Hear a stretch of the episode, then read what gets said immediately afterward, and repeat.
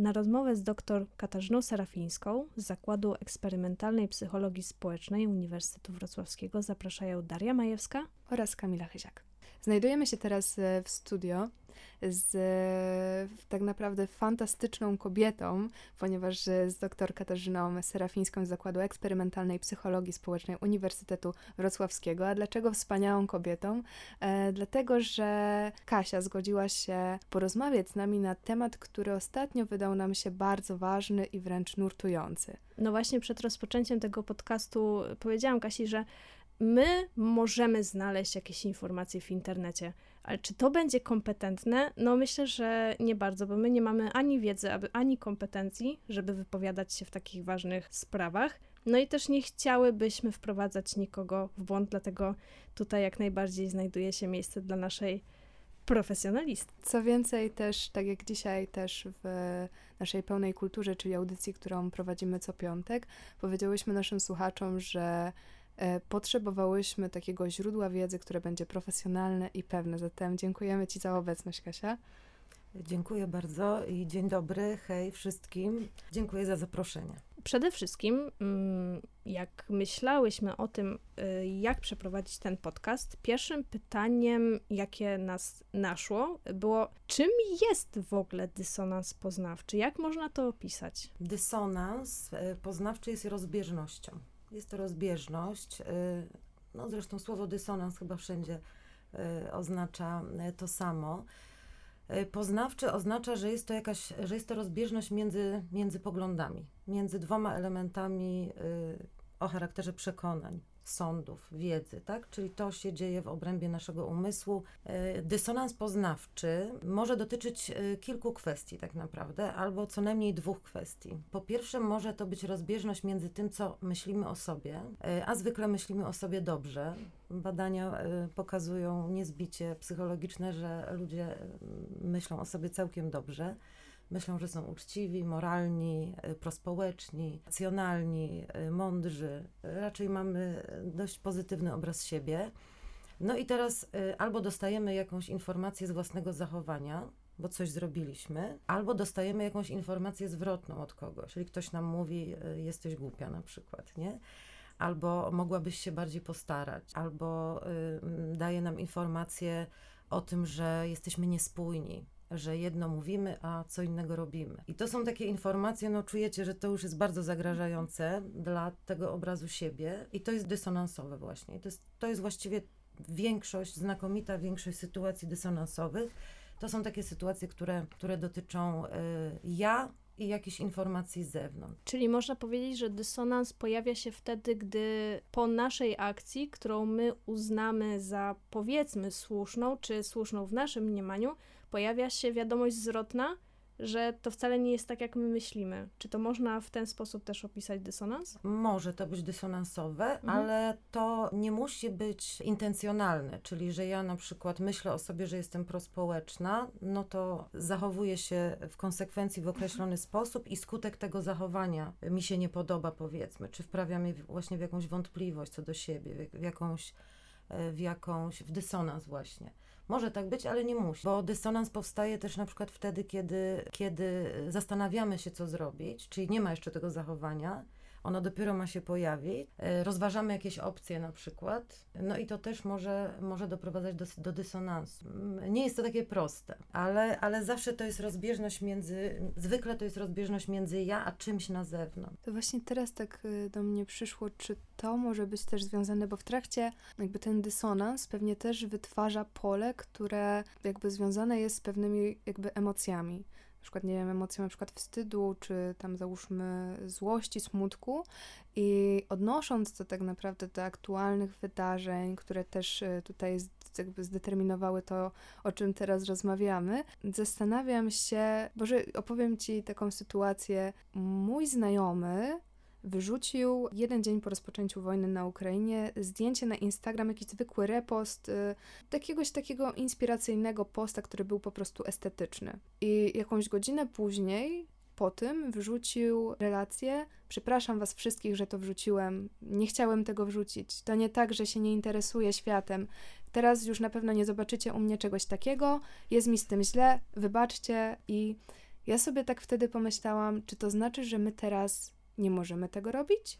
Jak poradzić sobie jakby z takim uczuciem, że jakby trochę się blokujemy, gdzieś pokazują się takie hamulce, które, których wcześniej nie było, a które dla nas w pewnym sensie są normalne, ale coś nam jednak przeszkadza przed tym, żeby wykonać jakąś akcję, która jest tak naprawdę bardzo mała i w sumie nieznacząca tak do końca. Mhm. No, dysonans, najpierw powiedziałaś o emocjach, mhm. właściwie wszystkie były negatywne, tak, takie spinające, tak, tak. napięciowe i dysonans jest napięciowy, jest, jest olbrzymim napięciem. Yy, najczęściej sobie nie uświadamiamy tego dysonansu, co być może jest błędne, może właśnie powinniśmy się zanurzyć yy, w ten moment i jakby skontaktować się, skąd to napięcie się, się bierze. Ten przykład, który dałaś, sugeruje, że osoba była w dysonansie i zredukowała go. Bo dysonans ma to do siebie, y, że właśnie przez to, że powoduje napięcie, że to jest stan nieprzyjemny, różne emocje mogą się z tym wiązać. U jednej osoby to będzie złość, u innej to będzie wstyd, y, ale zawsze pojawi się y, bardzo silna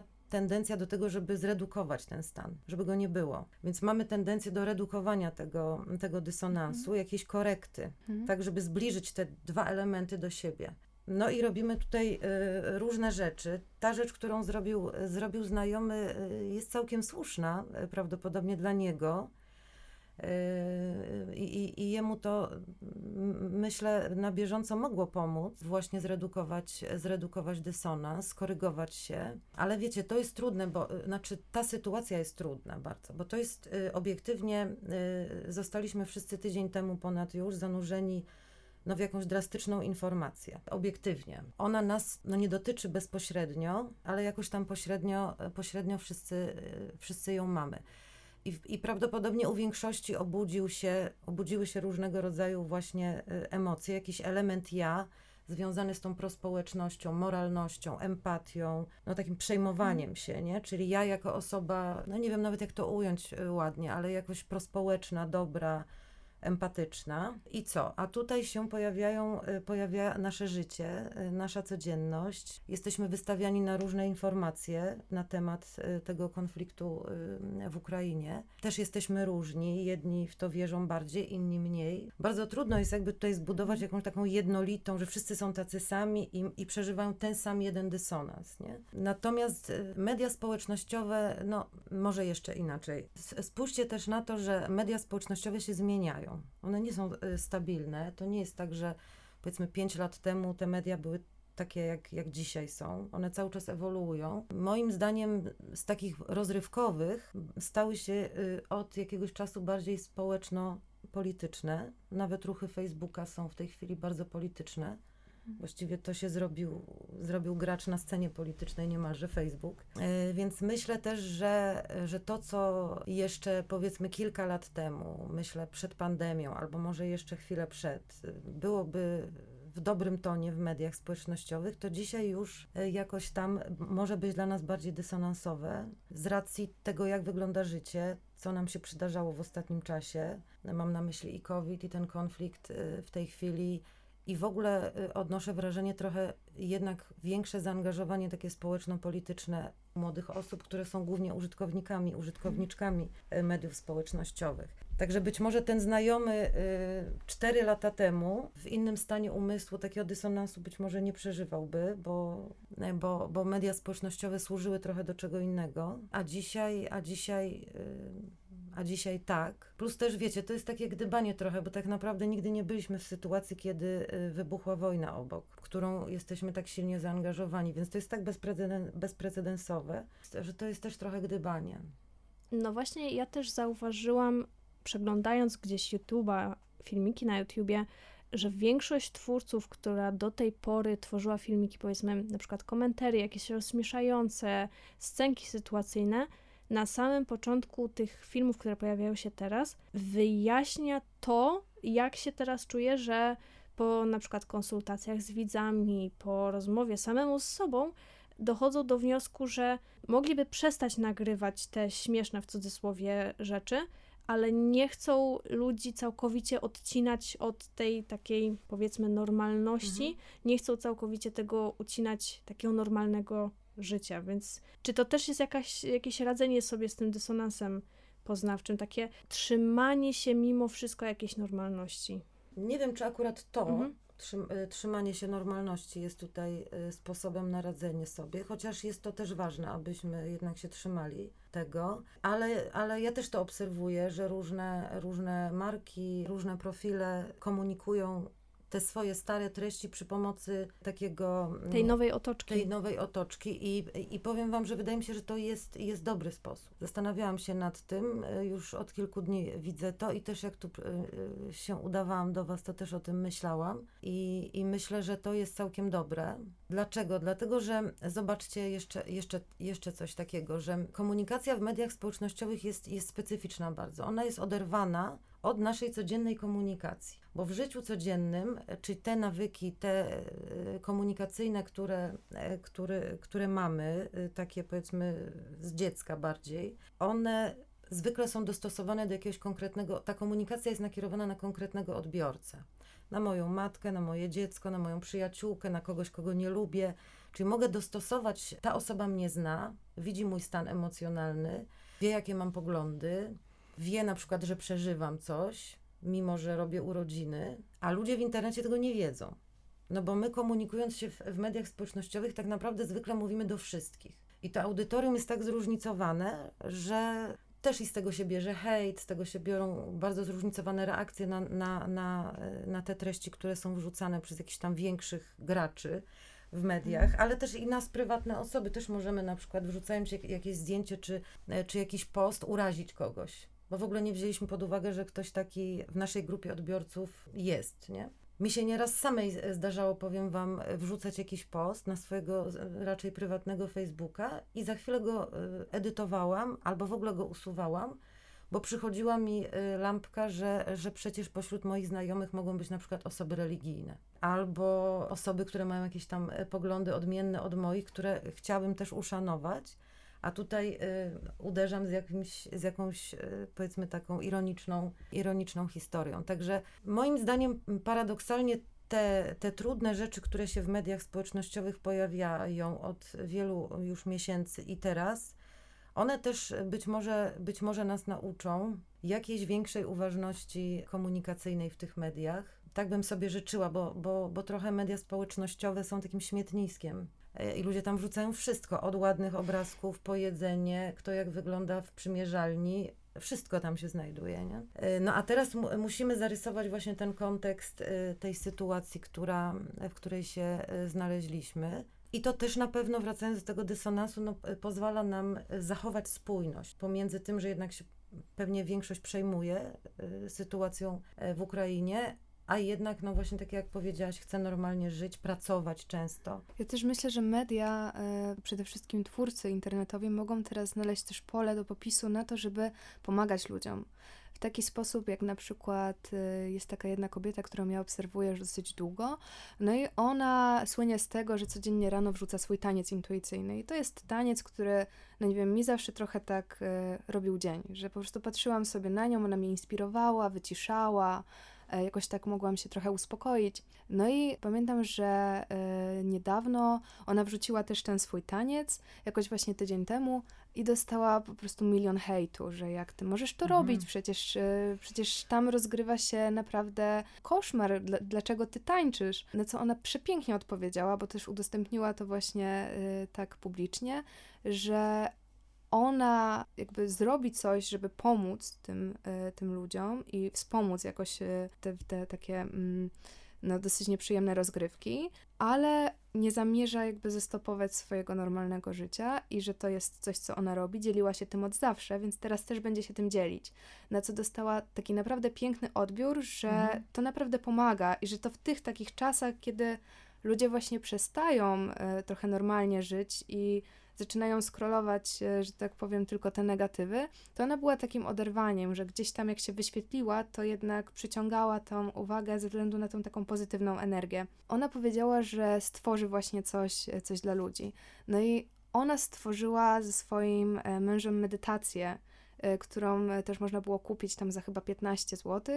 I to była medytacja właśnie o pokój I mhm. ona się zaczęła sprzedawać świetnie, i dzięki temu, że ona stworzyła coś takiego, coś, co było w 100% zgodne z nią, to właśnie zaraziła trochę ludzi takim, tak powiem, takim fajniejszym, może bardziej ciepłym i też takim uziemiającym vibem, że tak powiem, że niekoniecznie ludzie już mieli ochotę dalej mknąć w stronę tą taką, e, tej takiej czarnej dziury i chaosu, tylko raczej właśnie tak się osadzić w sobie i też tak trochę pokontemplować. Ale ja myślę sobie, że tak sobie też zapisałam, że taki dysonans poznawczy pojawia się nie tylko w takich właśnie sytuacjach jak teraz, ale on się pojawia w ogóle na co dzień. I tak sobie myślę, jak ujarzmić tę taką skrajną czasami empatię, która nam się pojawia, na przykład kiedy ktoś z naszych, nie wiem, na przykład bliskich, czy tam z naszego otoczenia ma gorszy czas i my na przykład w tym czasie się cieszymy. Jak, jak to, jak w ogóle się z tym tak trochę,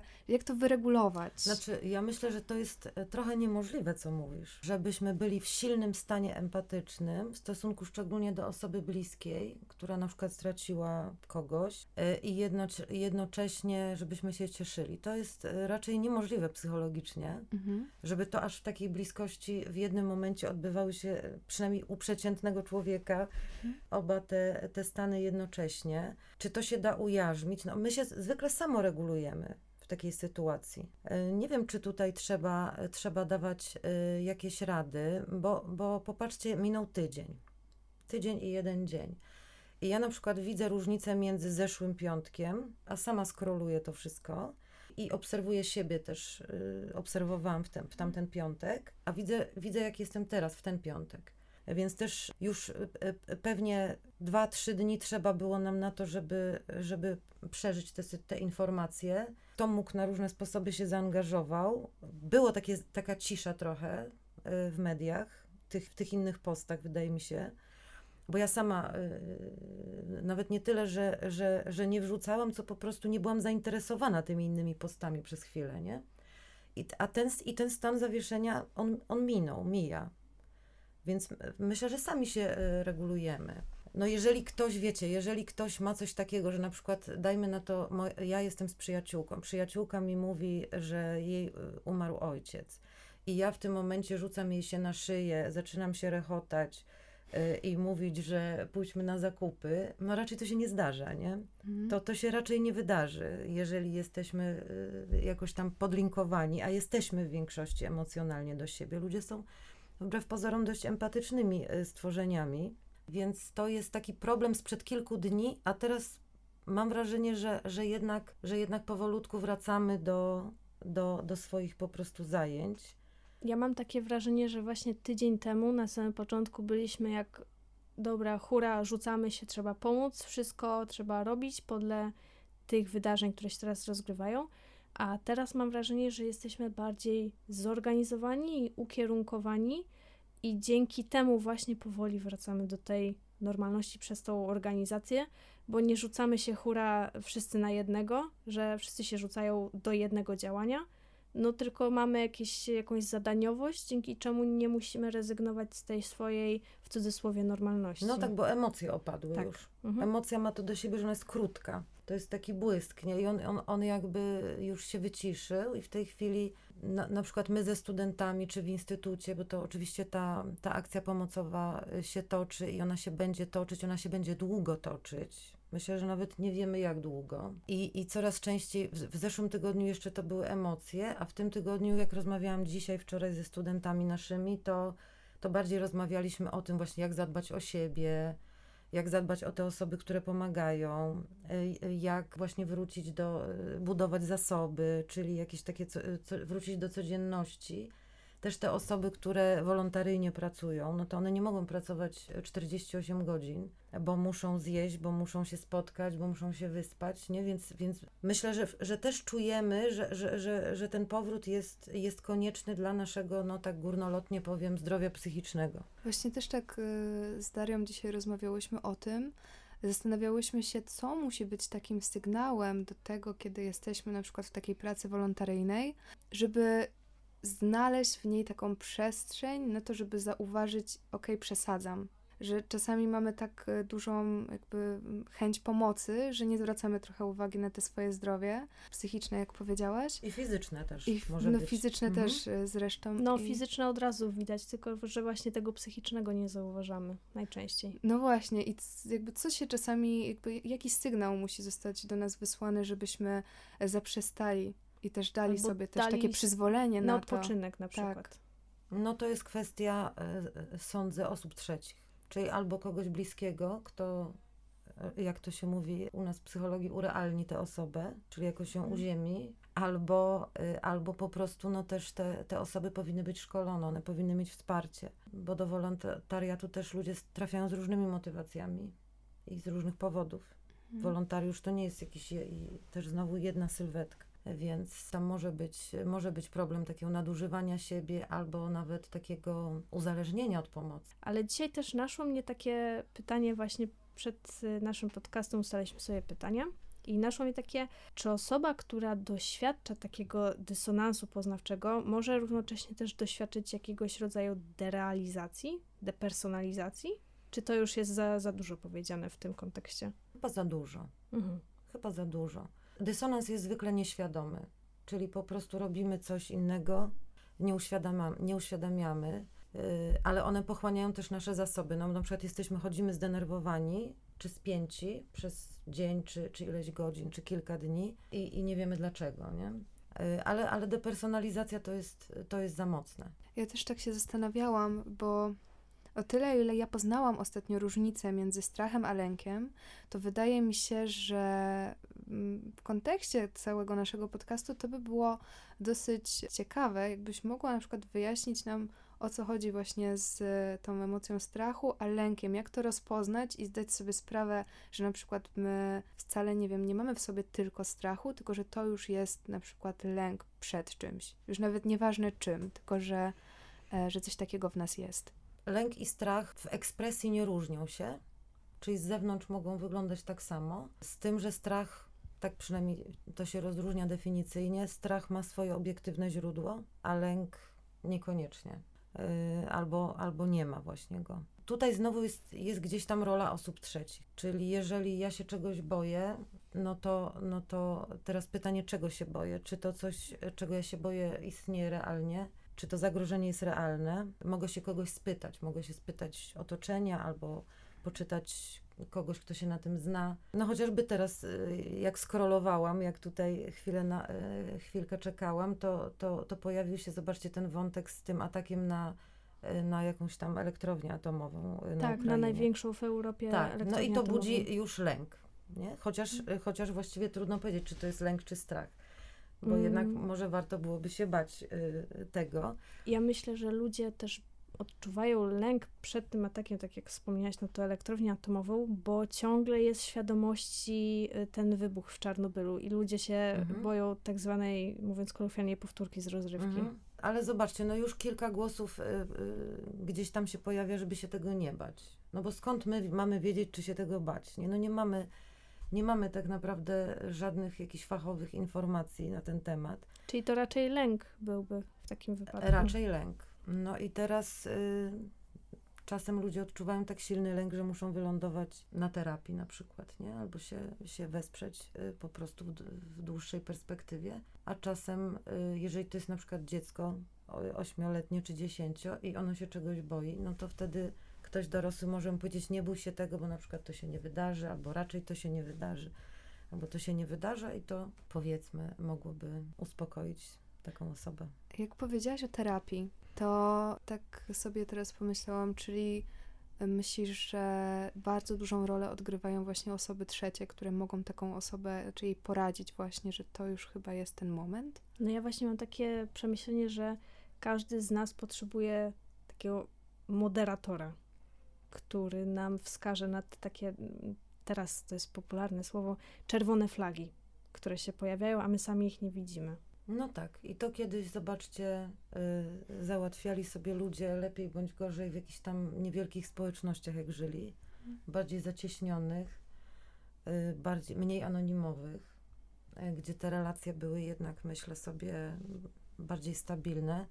No a teraz w tej naszej rzeczywistości jakiejś takiej wyrywkowej, bieżącej, y, gdzie ludzie migrują, nagle przyjeżdżają z, z jednego miejsca, zamieszkują w innym miejscu, gdzie tak naprawdę nie mają, nie mają bliskich, e, no to, to, to muszą sobie szukać tych, jak, jak powiedziałaś, moderatorów w postaci profesjonalistów być może, nie wiem. Ja bym nie chciała skręcać, skręcać w stronę terapii, bo jestem psychologiem społecznym, bo ja na przykład tutaj y, sobie tak pomyślałam, bo myślałyśmy też, chciałyśmy z Darią stworzyć tutaj też właśnie przy Twojej pomocy coś w stylu takie how to rytuał higieny psychicznej. Coś na zasadzie takiego nawet nie tyle radzenia sobie w tej aktualnej sytuacji, bo wiadomo, że ludzie mogą posłuchać tego podcastu 10 lat później, jeszcze jeśli świat będzie istniał. I Radioluz, ale Radioluz będzie grało zawsze. Właśnie myślałyśmy, żeby zrobić coś takiego wspólnie, bo to już nawet nie chodzi właśnie o to, co dzieje się teraz, tylko o to, co na przykład, nie wiem, jak sobie radzić tak z codziennością po prostu. Mam tutaj też na myśli osoby, które mm, właśnie nawet nie tyle potrzebują y, terapii, choć y, mówi się, że wszyscy, wszyscy jej w jakiś sposób potrzebują, ale nawet są, y, nie wiem, techniki mindfulness, które można wykorzystywać w codzienności. I też co, jakby, co jest w nich albo w ogóle w psychologii takiego, co można po prostu wziąć do swojego życia i z tego korzystać w taki umiejętny, ale też taki sposób, który nie wymaga opieki osoby, no właśnie specjalisty. Taki tutorial. Nie, no to jest strasznie szerokie. To jest za szerokie, dziewczyny, bo tego jest y, jakaś nieskończona ilość, myślę sobie, tych naszych różnych mądrości, które gdzieś tam wypływają do ludzi. Bo czy może ty masz jakieś takie techniki, y które chciałabyś polecić? Ja myślę też tak bardziej w stronę społecznej psychologii, trochę się przesunę. Mhm. Za mało czasu spędzamy na, y, na takiej autorefleksji, na, na skupieniu y, wbrew pozorom na sobie, bo jesteśmy niby, niby skupieni na sobie, czyli sobie dogadzamy, y, kupujemy różne rzeczy, pokazujemy się, jacy jesteśmy piękni, młodzi i tak dalej, bogaci w tych mediach głównie, ale nie tylko Natomiast to jest pozorne. Myślę, że myślę, że zbyt mało właśnie jest tej koncentracji na ja takiej, takiej racjonalnej. Nawet wrócę do tego dysonansu na chwilę, bo dysonans poznawczy zwykle jest pokazywany gdzieś tam w różnych miejscach, że to jest niefajne. Że to jest niefajne, że to jest napięcie, że trzeba szybko coś z tym zrobić, zakopać to, żeby nie być w tym stanie.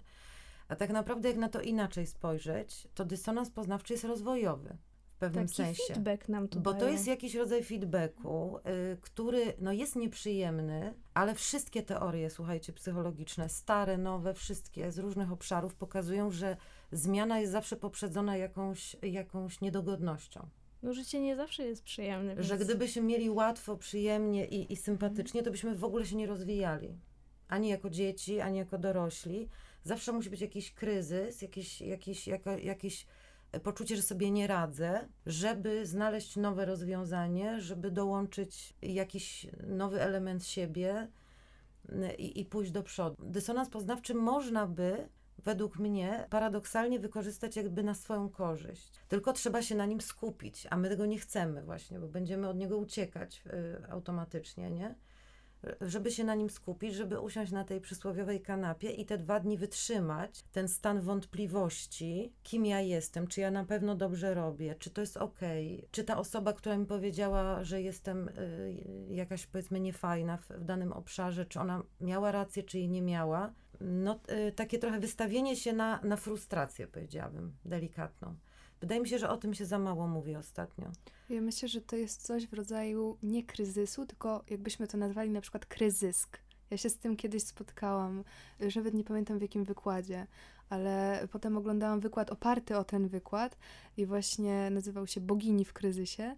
I pierwsza rzecz, jaką powiedziała kobieta, która prowadziła ten wykład, powiedziała, że nie patrzcie na kryzys tak, jak, jakby to był naprawdę kryzys, tylko to jest kryzysk prostu... Czyli zysk poprzedzony jakimś kryzysem. Tak, i ona powiedziała wtedy, że najlepiej będzie, kiedy zrobimy sobie coś w miarę przyjemnego, na przykład przykryjemy się kocem, yy, zrobimy sobie kakao. Dosłownie też powiedziała, że fajnie włożyć jest y, na przykład jakiś fajny sweterek, e, cieplutki, taki cozy, usiąść sobie właśnie gdzieś na, na czymś wygodnym i przeżyć tę niewygodę właśnie w jakiejś takiej możliwej wygodzie. Mhm, zgadzam się z tym jak najbardziej. Myślę, że to jest jakieś, nawet chyba niepopularne teraz, bo jednak y, bo bo, bo, bo jednak ta wygoda okay, ale też właśnie eliminowanie wszelkiej niewygody już ze swojego życia. To jest chyba nawet. taka barykada na rozwój. I tak. ja się też spotkałam kiedyś z takim określeniem, nie pamiętam już kto to mi powiedział, ale chyba mój przyjaciel, że jeśli życie czasami nie szczypie i nie gryzie, to co to za życie? No właśnie. Więc tutaj wiecie, ta sytuacja teraz to też może, może jednak, no głupio to powiedzieć, bo ale, ale może, możemy próbować ją, ją, ją też przekuć na jakiś zysk. Może wracając na chwilę jeszcze do tych mediów społecznościowych, może te media społecznościowe staną się jakieś mądrzejsze trochę. No właśnie obserwując, nie, myślę, że, że to jest dobre przemyślenie, bo ja zauważyłam, mimo tej całej polaryzacji naszego społeczeństwa w Polsce, w obliczu takiego kryzysu wielkiego, jakim jest wojna u naszego sąsiada, my się nagle potrafiliśmy może nie zjednoczyć, skonsolidować ku jednemu dobremu celu, jakiemu jest, jak, jakim jest to pomaganie osobie w potrzebie. No, ja się obawiam dziewczyny, że to może być krótkoterminowe. No właśnie, też się obawiam, że tak, jeśli ten kryzys zostanie zażegnany, to tak samo ta konsolidacja jakby się rozpłynie i powrócimy do swojego takiego spolaryzowania. Czy ja myślę, że wszystkie takie boom, że tak powiem, e, jakieś, no, jakieś takie wybuchy wulkanów, niezależnie od tego, jakby, z czego one dotyczą, są w pewnym sensie krótkotrwałe. I tak jak powiedziałaś wcześniej, że po tygodniu obserwując siebie widzisz, że jesteś spokojniejsza, ja pamiętam, że dwa dni po wybuchu wojny ja już miałam, dałam sobie tak zwanego bana e, na Instagram, miałam tylko 15 minut dziennie, ok, bo ja po prostu wariuję. No to... ja odinstalowałam Twittera, bo natłok informacji był tak duży, ja nie potrafiłam tego w żaden sposób przefiltrować. I mi się wydaje, że trochę tak izolując się od tych informacji, izolując się od tych takich gorących emocji, to jakby na pewno nie mamy tak tylko my, i myślę, że ludzie, którzy nie są zaangażowani tak bezpośrednio w to, po prostu zaczną trochę chłoną, o to słowo. Będą się schładzać. Będą się schładzać. I no z pewnością to w końcu zacznie się tak trochę rozbiegać i rozrzedzać. I y, no tutaj też się z Tobą zgodzę, że to rzeczywiście może być krótkotrwałe, niestety. No, pojawią się nowe problemy też to jest inny temat, ale mm. pojawią się inne problemy. Polskie społeczeństwo jest spolaryzowane, było, tak jak powiedziałaś, jest e, silnie uprzedzone. To niektóre wskaźniki uprzedzeń, homofobii, antysemityzmu to mamy e, wyrzucone w kosmos na tle innych krajów. Więc to nagle e, w ciągu tygodnia no, raczej takie postawy też nie znikną, nie? To nie, nie ma się co łudzić, one wrócą. Szczególnie, że ci ludzie się, uchodźcy z Ukrainy są w Polsce, będzie ich coraz więcej i to nie jest tak, że oni przyjechali sobie na tydzień, za tydzień tak. wojna minie i tak. oni wrócą do siebie. Mhm. No nie będzie tak. Więc taka egzystencja tutaj, zakładając oczywiście, że to się wyciszy wszystko i że ta, ten pokój zostanie tam osiągnięty, że też Polaków to nie dotknie, miejmy nadzieję, w, w jakiś taki bardziej drastyczny sposób, to po prostu czeka nas koegzystencja dwóch grup y, narodowych, które mają ze sobą różne. No ja liczę, że tutaj antropolodzy wkroczą troszkę przy, przy pomocy, bo y, Uniwersytet Wrocławski zorganizował właśnie taki, y, może nie biuro, tylko ogłosił y, możliwość wolontariatu w różnych przestrzeniach. I ja osobiście napisałam w rubryce inne, że mogę pomóc w takiej jakby asymilacji z tą polską kulturą jako antropolog, bo myślę, że ja jako, ja nie mam wykształcenia psychologicznego, nie mam takiego specjalistycznego wykształcenia, ale myślę, że moja wiedza antropologiczna też by mogła tutaj Ale to jest pomóc. dziewczyny, tak jak mówisz teraz, to, to nie jest, że psychologiczne jest specjalistyczne tu, mhm. bo właściwie teraz w naukach społecznych y, mamy takie, taką kompetencję nową, już opisaną i ona będzie naprawdę bardzo ważna, a jest kompletnie zaniedbana w Polsce, uważam na poziomie edukacji na każdym etapie i to się nazywa kompetencją interkulturową. I tam w, w obręb tej kompetencji wchodzą jakby trzy rzeczy. Taka kompetencja osobista, czyli bardziej na zasadzie y, właśnie zasoby, empatia, rozwój osobisty, samoświadomość i tak dalej. Y, kompetencja społeczna, czyli tak jak powiedzmy no, psychologowie społeczni, nie? czyli znajomość takich zjawisk jak stereotypy, co z tego wynika, co to są uprzedzenia, co to jest konflikt międzygrupowy i właśnie kompetencja kulturowa. Czyli jak poznawać nowe kultury, y, jakie są skrypty kulturowe, jak tam zbliżać kultury do siebie. Także to, to jest też specjalistyczne, nie? Tylko te trzy rzeczy powinny iść razem i one powinny pójść do szkół, y, do małych dzieci, do studentów, do licealistów. No, żeby to się nie zatrzymało tylko jakby na tym szkolnictwie wyższym, żeby Tak. ta wiedza, powiedzmy, antropologiczna gdzieś tam przeszła, żeby te kultury też zaszczepić na tych niższych poziomach. No to jest bardzo ważne, myślę. Tak jak nie ma edukacji seksualnej w Polsce, w szkołach, tak Mhm. samo nie ma takiej edukacji międzykulturowej. Dokładnie. A teraz będziemy żyć właśnie między kulturami dwoma. Ja myślę, że to jest y, ten przedmiot, który chyba nazywa się etyką i często etyka trochę jakby Schodzi w to. Tak, bardzo, przynajmniej tak było w moim liceum, że ona trochę wchodziła w taką naukę o innych kulturach. No ale myślę, że jeżeli pozwolilibyśmy na to, żeby etyka stała się przedmiotem pełnoprawnym, Pełnoprawnym, tak, tak. samo jak religia, to myślę, że y, nie, że jest takie albo, albo, choć albo, albo powinno być, ale tak czy siak etyka powinna być tym przedmiotem, który, który jednak nam trochę więcej mówi niż na przykład wiedza o kulturze, którą ja bardzo dobrze pamiętam, że uczyłam się tam o, jak to było? O y, budownictwie we Włoszech. Też miałam tą wiedzę o kulturze i to było zajęcie się kulturą tylko z perspektywy materialnego dziedzictwa, a nie było tego antropologicznego podejścia. Ja wiem, ja wszędzie forsuję tą moją antropologię, ale ja już jestem na trzecim roku i staram się gdziekolwiek ją wciskać. Takiego podejścia bardzo holistycznego,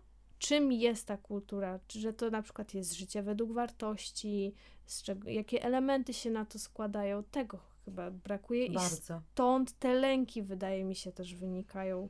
bardzo tego brakuje. A naszą gościnią była dr Katarzyna Serafińska z Zakładu Eksperymentalnej Psychologii Społecznej Uniwersytetu Wrocławskiego. Bardzo, Dziękujemy. bardzo dziękujemy za rozmowę. Dziękuję bardzo.